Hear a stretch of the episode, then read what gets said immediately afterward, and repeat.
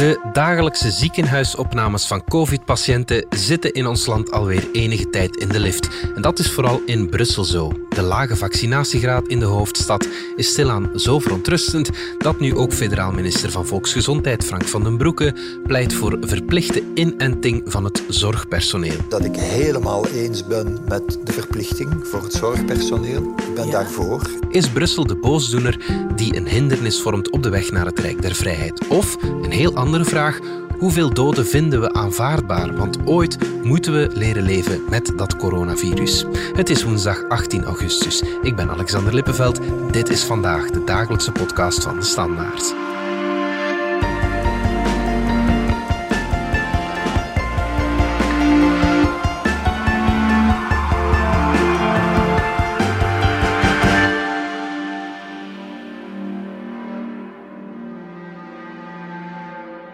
Met van onze wetenschapsredactie. De coronacijfers gaan de foute kant op. Maar telkens als er een pushbericht wordt uitgestuurd in die zin, dan kan ik me voorstellen dat jij je een beetje opwindt, want het is vooral in Brussel dat het fout loopt. Hè?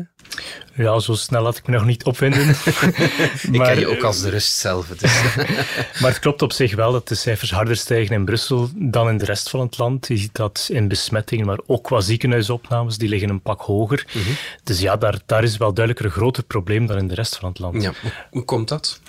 Ja, een aantal factoren die samenkomen. Brussel is internationaal, heeft een heel diverse bevolking. Mhm. Dat betekent dat er ook veel gereisd wordt, veel meer dan in de rest van het land.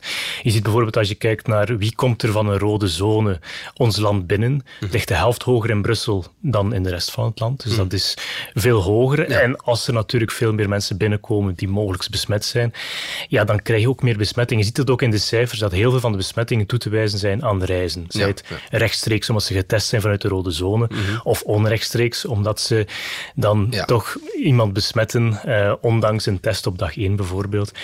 En wat je ook ziet is, ja, het is, het is een moeilijk, moeilijker bereikbare bevolking. Dus ja, je kan wel maatregelen hebben, maar die hebben vaak minder impact uh, in, in Brussel. Ja, ja, ja, want het is niet logisch. Ergens, we vaccineren al maanden aan een strak en hoog tempo. We staan aan de top van de wereld eigenlijk. En toch krijgen we het niet onder controle. Meer nog, de Delta-variant die lijkt dan ook nog eens ja, op een bepaalde manier immuun te zijn voor het vaccin. Ja, immuun gelukkig niet. nee, je ziet dat de vaccins nog degelijk wel werken, maar je ziet wel dat die, er worden gaten geslaan in die bescherming van die vaccins. Mm. Ehm, dus die zijn minder. Nu, inderdaad lijkt onlogisch, maar het is niet heel onverwacht. Mm. Als je kijkt naar de modelbouwers, um, die hadden in het begin van de zomer eigenlijk al gezegd, we gaan aan het eind van de zomer meer ziekenhuisopnames hebben. De modelbouwers, dat zijn dan de statistici, dat zijn geen uh, mensen die met treintjes Nee, inderdaad. Nee, het zijn ja. biostatistici, ja, die dus eigenlijk scenario's gaan bouwen en kijken, ja, waar gaan we uitkomen in afzienbare tijd. En ze hadden eigenlijk al aangegeven, in september gaan we met meer ziekenhuisopnames zitten dan in het begin van de zomer. Je hebt er eigenlijk twee grote componenten in, ondanks je vaccinatie, want de vaccinatie dempt uiteraard je ziekenhuisopnames, gelukkig maar. Maar je hebt wel meer contacten in de zomer. Uh, dat was al voorzien, want dat was ook vorige zomer zo. Mhm. En je hebt dan ook nog eens die Delta-variant die een veel hogere ziektelast heeft. Zagen ze die piek dan ook in Brussel? Uh, ze hebben dat niet specifiek voor Brussel gedaan, maar dat is inderdaad wel de vraag of je daar in Brussel meer, uh, meer besmettingen uh, zal hebben. Ja, ja, ja. De vraag is of, of Brussel genoeg doet, of er voldoende maatregelen zijn. Wel, de belangrijkste maatregel is vaccinatie. Hmm. Dat is, dat is duidelijk. Als we het willen virus op lange termijn aanpakken, dan moeten we die vaccinatiegraad omhoog krijgen. En dan zie je wel heel grote verschillen in vaccinatiegraad. Mhm. Als je kijkt naar de volwassen bevolking, dan heb je in Vlaanderen 91% die al minstens één prik gekregen heeft. In Brussel is dat op dit moment 63%. Ja. Dat is een heel groot verschil. Ehm, en dan kan je vragen, ja, doet Brussel genoeg om die vaccinatiegraad op te krikken? Mhm. Ehm, ik denk dat ze zeker hun best doen. En je ziet dat Brussel een van de meest flexibele regimes heeft als jij hmm. morgen wil gevaccineerd worden, dan kan dat zonder afspraak. Of vandaag zelfs. En je kan nog eens kiezen welk vaccin. Je kan kiezen welk vaccin. Dat kon al heel vroeg kon in Vlaanderen niet. Hmm. Eh, ze hebben ook bussen ingezet waarmee ze van plein naar plein gaan. ze proberen wijkwerking te zetten. Dus ze doen heel veel. Maar het is een moeilijk bereikbare groep. Eh, en het zal heel moeilijk zijn om die vaccinatiegraad structureel veel hoger te krijgen. Mhm. Mogen we dan zeggen dat Brussel de grote schuldige is in het feit dat we nog steeds niet in ons Rijk der Vrijheid zitten? Ja en nee, het zal zeker niet helpen. Mhm. Eh, als je een regio in een land hebt waar je en meer besmettingen en meer ziekenhuisopnames hebt, waar we toch ook allemaal om doen, om die druk op de ziekenhuizen te verminderen, als dat in een bepaalde regio hoger ligt, ja, dan betaalt de rest een beetje het gelach. Dat, dat, is, dat is zeker zo. Mhm. Eh, maar anderzijds is het ook niet zo dat je kan zeggen, het is omwille van de vaccinatiegraad die in Brussel te laag ligt, dat wij niet kunnen versoepelen. We zien het bij ons ook. We zien die ziekenhuisopnames ook toenemen. Mhm. En dat betekent dat wij ook nog voorzichtig moeten blijven. Het is ook een beetje een illusie om te denken dat het allemaal aan de niet-gevaccineerden ligt. Als je bijvoorbeeld naar Israël kijkt, Israël is een interessante case. Mhm. Daar zie je dus dat een heel grote groep gevaccineerd is maar ook nog een groep niet, zoals dat ook, ook bij ons zo is. En als je dan in de ziekenhuizen gaat gaan kijken, dan is de meerderheid van de mensen die in het ziekenhuis ligt, zijn gevaccineerden. Ah, oké. Ondanks het feit dat je een veel grotere kans hebt om als niet-gevaccineerde in het ziekenhuis te geraken. Okay. Maar die groep is natuurlijk veel groter. Ja. Um, en dus ja, het is, het is, een beetje simpele wiskunde. Bij ons is dat zeker niet zo. Mm. Dus je ziet dat, dat, dat de meeste ziekenhuizenopnames toch nog zijn bij niet-gevaccineerden. Maar na verloop van tijd, zeker in Vlaanderen, waar we zo'n hoge vaccinatiegraad hebben, kan dat gerust omdraaien. Ja. Een bepaald moment moet je vaststellen dat mensen gewoon niet willen. Dat is een quote van Inge Neven van de Brusselse Gezondheidsinspectie. Ja, Dries, dan komt de verplichte vaccinatie in het vizier. Ja, ja. Dat hebben we tot nu toe niet willen doen. Ik denk dat dat vooral omwille van de psychologische reden was. Uh, als je mensen iets verplicht, dan gaan mensen in een ego-stelling. Dan zeggen ze, dat, dat, dat doen wij niet. Als je het mensen aanbiedt en zegt, denk er zelf over na. Zeker in België. Zeker in België, ja. We zijn misschien wat contrair. Um, en dus als je dat eh, zegt, het is niet verplicht, maar we bieden het aan, we raden sterk aan en geeft de informatie, denken mensen er zelf over na, kunnen ze zelf ook die, ook die afweging maken. Plus wat ook speelt in het begin, waren er ook nog veel vraagtekens. Hè? Dus het waren nieuwe vaccins. Er is altijd een risico als je vaccineert. Er is altijd een risico op bijwerkingen. En het is moeilijk om in te schatten hoeveel dat er zijn, ondanks de uitgebreide klinische proeven. Mhm. Nu zien we ondertussen wel dat er heel veel mensen gevaccineerd zijn zonder eigenlijk ernstige bijwerkingen. Mhm. Ja, dan weet je wel dat die vaccins veilig zijn. Dus dat is nu ook een ander stadium. Mhm, maar als we het hebben over verplichte vaccinatie. Ehm, is de vraag, ja, hoe breed ga je dat doen? Uh, moet je dat voor iedereen verplichten of ga je dat voor wel bepaalde categorieën gaan doen? Ja, ja, ja. Frank van den Broeke heeft maandagavond in ter zake ja, het idee van een verplichte vaccinatie voor het zorgpersoneel nog eens opgeworpen. Ik denk inderdaad dat voor mensen die werken in de zorg, maar ook uh, artsen in een uh, privaat kabinet, ook kinesitherapeuten. Ik denk inderdaad dat de norm zou moeten zijn en dus de plicht, je laat je vaccineren als voorbeeld voor andere mensen en voor de veiligheid. Heeft jou dat verrast? Nee, want dat is eigenlijk de eerste logische groep waarbij je dat gaat gaan vragen. Je kan zeggen, vaccinatie is een individuele keuze in de eerste plaats. Maar als je denkt aan de zorg en je bent beroepsmatig bezig met kwetsbare mensen, die misschien mogelijk gevaccineerd zijn of niet gevaccineerd mm. zijn, maar waarbij het vaccin, vaccin misschien minder aanslaat. Ja. als je met die mensen werkt, heb je ook wel een verantwoordelijkheid tegenover de kwetsbaren waarmee je werkt. En dus is het ook niet onlogisch dat we gaan zeggen, ja, eigenlijk moeten die wel beschermd zijn en de eerste beste bescherming is dan misschien wel vaccinatie. Ja. En dat is eigenlijk ook wat we doen bij hepatitis B. Mm. Hepatitis B is verplicht voor het zorgpersoneel in België. Dus je kan eigenlijk niet werken als werknemer in de zorgsector als je niet ingeënt bent tegen hepatitis B. Je mag zelfs niet werken. Ja. En dat we dat dan op termijn misschien ook voor het coronavirus gaan doen, is niet zo'n onverwachte stap. Mm -hmm, Maar zijn we daar nu mee met de minister van Volksgezondheid die zegt we moeten dat misschien doen? Of is er nog heel veel discussie binnen de meerderheid. Wel, het is zeker een politieke keuze. Dat zal niet in 1, 2, 3 ingevoerd worden. Dat zag ook in andere landen waar het verplicht werd. Je kan daarover nadenken. Verenigd Koninkrijk heeft dat gedaan. Men heeft daar lang over gedaan om dat uiteindelijk in te voeren. Men heeft dat beslist. Maar het zal ook maar voor het najaar zijn dat men dat ook gaat, gaat invoeren. Dus het is niet omdat je het idee op tafel legt dat het meteen ingevoerd zal worden. Het is ook niet dat het alles zal oplossen, veronderstel ik. Nee, maar goed, je weet in die epidemie dat je een aantal zwakke flanken hebt. En die liggen zeker bij mensen die niet ingeënt zijn en mensen die kwetsbaar zijn, ondanks het feit dat ze ingeënt zijn. En die wil je natuurlijk maximaal beschermen. En een logische stap is dan dat je gaat dan zeggen, de mensen die vaak in contact komen met die kwetsbaren, ja, daarvan zorgen we dat ze ingeënt zijn. Mm Een van de luidste stemmen in dat debat is Mark Noppen van het UZ Brussel. Die pleit al een hele tijd voor verplichte vaccinatie in de zorg, maar ook voor studenten, jonge mensen. Heeft dat dan zin? Zeker bij studenten die in de zorg werken, maar dan kan je dezelfde redenering toepassen als voor de rest van het zorgpersoneel, dus daar zeker. Bij andere studenten zie ik niet meteen waarom je die groep er zou uitpikken tegenover de rest van de bevolking. Het is een, een, groep die misschien wel meer voor meer verspreiding kan zorgen. En we weten dat het uh, vaccinverspreiding dempt. Ja. Ehm, maar goed, moet je die er specifiek gaan uithalen? Is dat een grote risicogroep voor zeg maar, kwetsbare mensen? Dat weet ik niet. Hmm. Ik denk dat iets wat anders ook op tafel ligt, is vaccinatie voor leerkrachten. Ja. En dat heeft dan weer een andere logica, omdat je dus je hebt kwetsbare mensen, die zitten bij de ouderen. Ja. Maar je hebt ook wel kinderen. En kinderen onder de 12 jaar gaan we nog voorlopig niet vaccineren. Dus dat zijn ook wel in zekere zin kwetsbarer om het, om het virus op te lopen en om die besmetting op te lopen. Nu, die worden er zelden zwaar ziek van, dus daar, daar zit je dan weer... Maar die worden dan wel weer opgevangen door grootouders. Voilà, dus die, die kunnen wel belangrijk zijn in de transmissie, dat is zeker zo. Ja, ja. oké. Pieter van Doren en Dominique Dekmijn, jullie zijn er even komen bijzitten, want vrijdag zijn we terug na een uh, korte break van de bits en atomen. Uh, ja, lang genoeg in de zon gelegen. Uh, de kriebel slaat weer toe. Je hebt een mooi kleurtje, Pieter. Dank u. Waar ga je het over hebben vrijdag? ik ga het onder andere hebben over astronauten in een blootje. Oké, ben benieuwd. En ik ga het hebben over de cyberbankroof van de eeuw. Klein tipje van de sluier, hoeveel is er geroofd? Het ging over meer dan 600 miljoen. Kijk, luisteren vrijdag. Tot dan.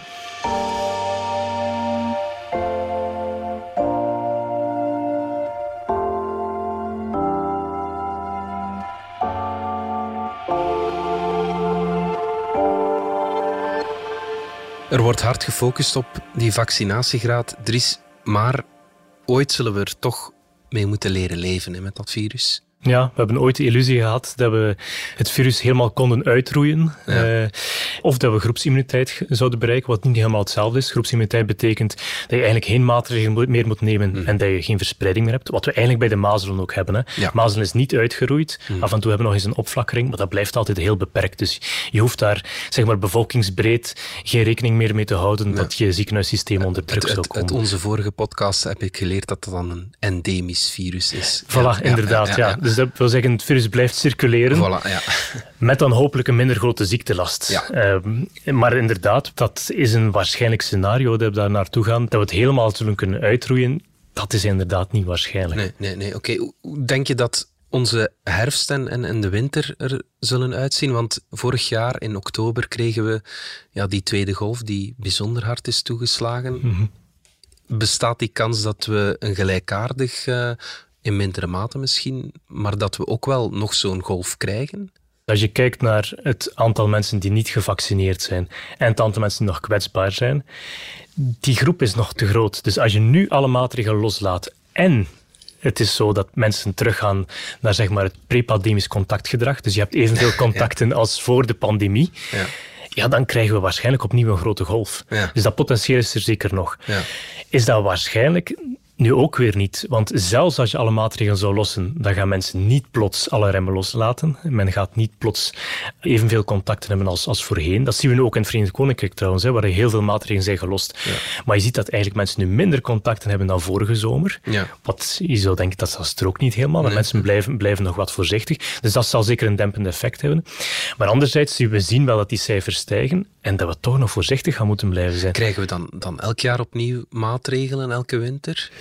Wel, het is moeilijk om te voorspellen wat er op lange termijn gaat gebeuren. Nu, waar een aantal experts wel van uitgaan, is dat het inderdaad endemisch wordt en dat je met dat seizoenseffect zit. Dus dat je dan in de winter wel een prik krijgt, zoals we dat ook met de griep zullen hebben. Ja.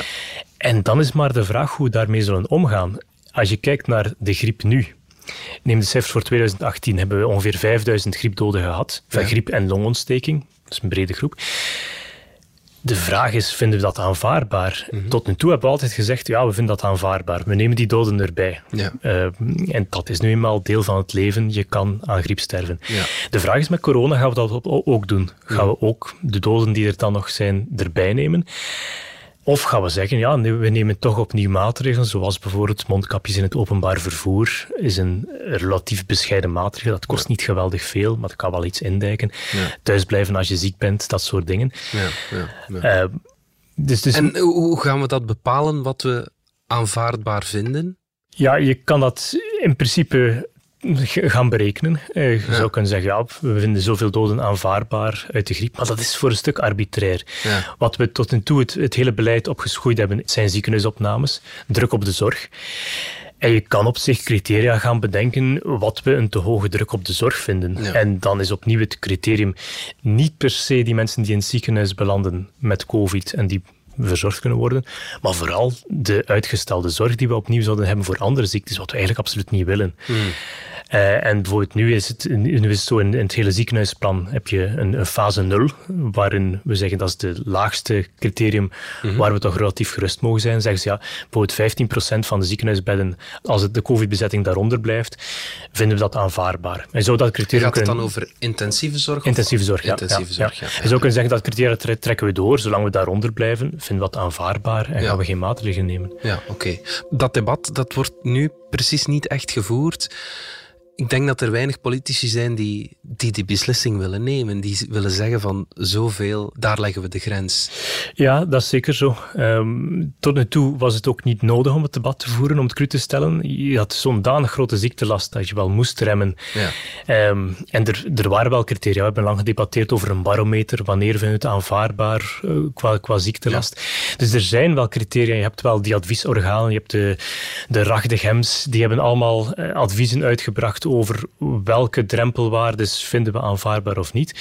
Maar dat zal ook voor hen nu wel het grote werk worden om te gaan kijken, ja, moeten we, wat, wat vinden wij nu aan aanvaardbare ziektelast? Hoe kunnen we dat berekenen?